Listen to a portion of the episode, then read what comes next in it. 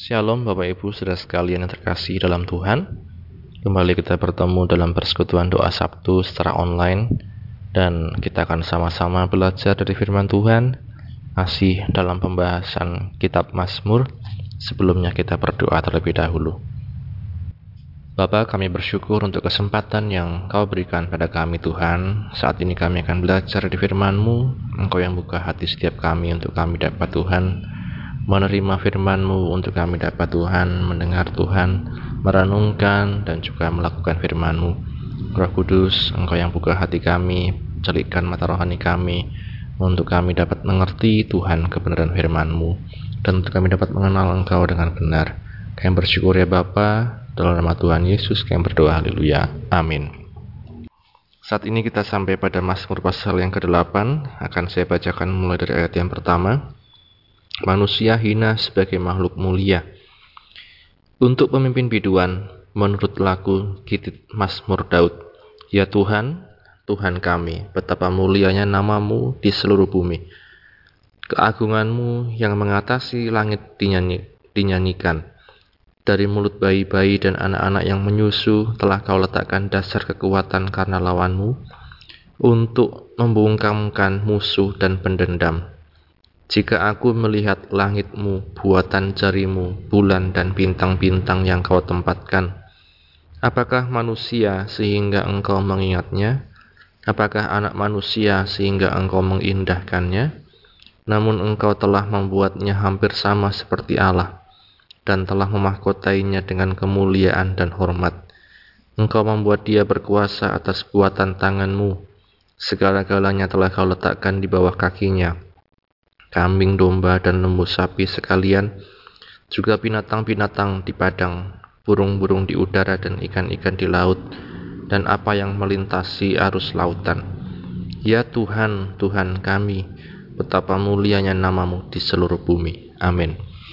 Berbahagia setiap kita yang baca, mendengar, dan yang melakukan firman Tuhan. Bapak Ibu saudara sekalian, kita melihat dalam perikopnya manusia hina sebagai makhluk mulia. Dari sini kita melihat Bapak Ibu Saudara sekalian keberadaan kita sebagai manusia ya. Yang dikatakan oleh pemazmur siapakah ya atau apakah manusia sehingga engkau mengingatnya? Apakah anak manusia sehingga engkau mengindahkannya? Ya. Bapak Ibu Saudara sekalian jika dibandingkan ya Bapak Mazmur katakan dia melihat langit buatan jari Tuhan bulan dan bintang-bintang yang kau tempatkan. Dan dia bandingkan dengan kehidupan manusia sungguh kecil ya. Sungguh kecil ya kalau dibandingkan kalau kita melihat ya seperti video yang menampakkan betapa manusia itu seperti debu kalau dilihat dari atas angkasa ya. bahkan tidak terlihat ya debu di dalam debu. Nah ini Bapak Ibu betapa rapuhnya betapa lemahnya betapa tidak berdayanya manusia Ya, namun demikian dikatakan oleh firman Tuhan, namun engkau telah membuatnya hampir sama seperti Allah dan telah memahkotainya dengan kemuliaan dan hormat ya. Seorang manusia yang hina ya bahkan kalau di dalam uh, Petrus ya satu Petrus dikatakan di ayat yang ke-24 1 Petrus 1 ayat yang ke-24 sebab semua yang hidup adalah seperti rumput dan segala kemuliaannya seperti bunga rumput. Rumput menjadi kering dan bunga gugur. Tetapi firman Tuhan tetap untuk selama-lamanya. Inilah firman yang disampaikan Injil kepada kamu, ya. Dikatakan Bapak Ibu Saudara sekalian, semua yang hidup seperti rumput. Rumput menjadi kering, kemudian bunga menjadi gugur, tetapi firman Tuhan tetap untuk selama-lamanya. Amin. Firman Tuhan tetap untuk selama-lamanya. Itu yang membuat dikatakan manusia itu berharga, ya. Membuat manusia itu dapat mengalami kekekalan ketika ada firman Tuhan yang membuatnya lahir kembali. Ketika ada benih firman Allah di dalam kehidupannya, ya. Yang dikatakan namun engkau telah membuatnya hampir sama seperti Allah, ya. Kalau dalam penciptaan Bapak Ibu Saudara sekalian kita melihat manusia dibekali dengan akal budi, perasaan, ya, manusia dibekali dengan kemampuan untuk berinteraksi dengan Allah ya. Kemampuan untuk berhubungan dengan Tuhan. Tapi kemudian apa yang terjadi ketika manusia jatuh dalam dosa? Kemuliaan itu hilang ya. Kemuliaan itu tidak nampak. Hubungan antara manusia dengan Allah itu menjadi rusak. Ya ini Bapak Ibu Saudara sekalian di dalam Yesaya pasal 59 ya ayat 1 kalau kita melihat Bapak Ibu Yesaya pasal 59 kita buka bersama-sama ayat 1 dan 2 ya. Sesungguhnya tangan Tuhan tidak kurang panjang untuk menyelamatkan dan pendengarannya tidak kurang tajam untuk mendengar. Tapi yang merupakan pemisah antara kamu dan Allahmu ialah segala kejahatanmu dan yang membuat dia menyembunyikan diri terhadap kamu sehingga tidak mendengar ialah segala doamu. Ya. Bapak Ibu saudara sekalian kita melihat hal ini dalam kehidupan kita pribadi lepas pribadi. Ya.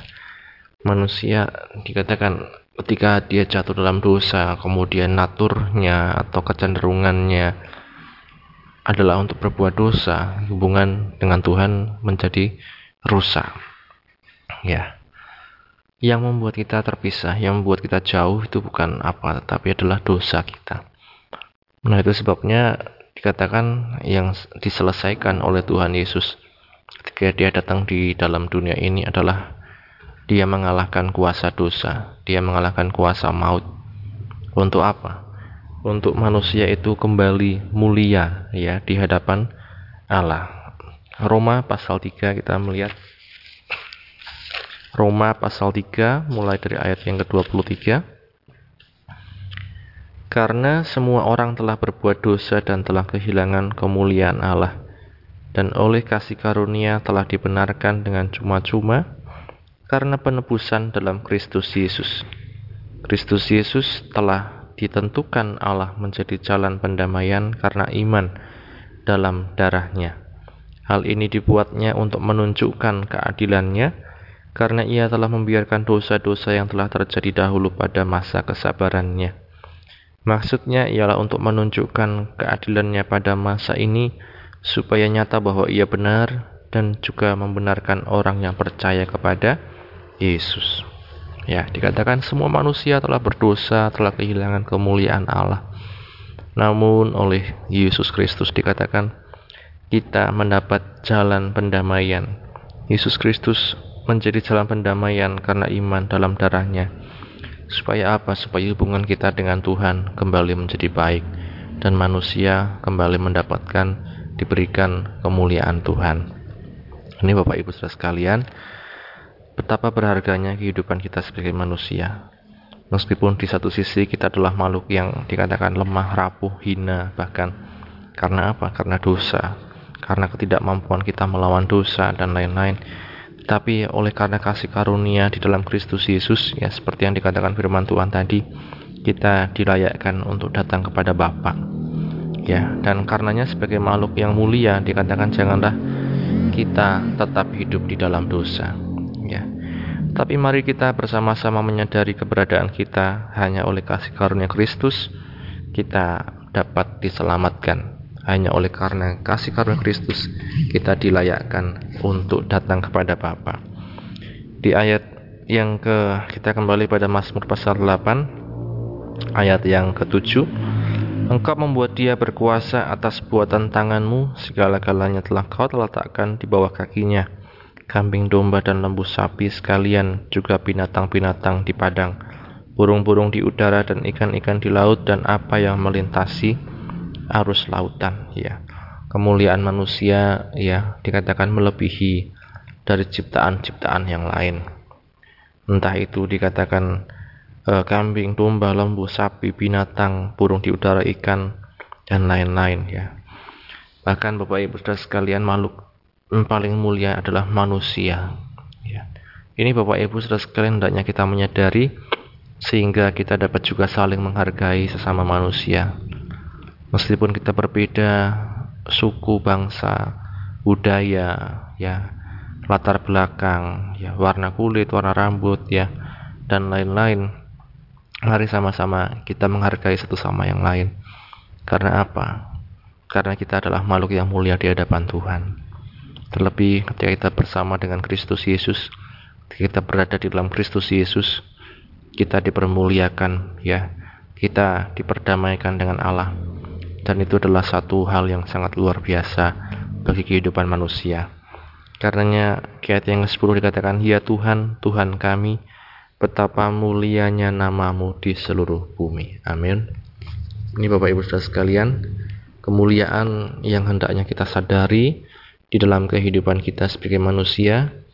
Jangan lagi kita berkubang di dalam dosa.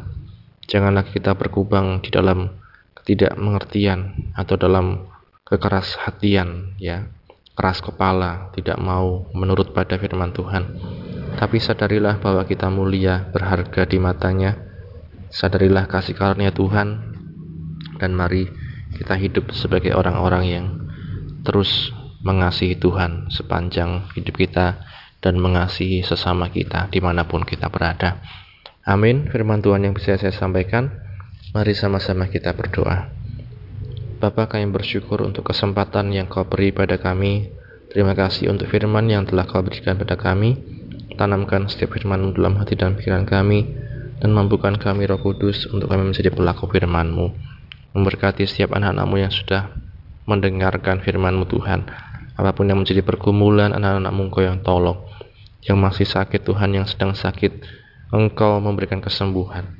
Yang sedang mengalami kelemahan, Engkau berikan kekuatan. Yang sedang mengalami pergumulan Tuhan, susah hati Engkau berikan penghiburan. Engkau berikan jalan keluar Bapa bagi setiap mereka Tuhan yang sedang mempergumulkan sesuatu. Saya bersyukur ya Bapa, ini Tuhan doa kami. Di nama Tuhan Yesus kami sudah berdoa mengucap syukur. Haleluya. Amin. Puji Tuhan, Bapak Ibu Saudara sekalian, Tuhan Yesus memberkati. Amin.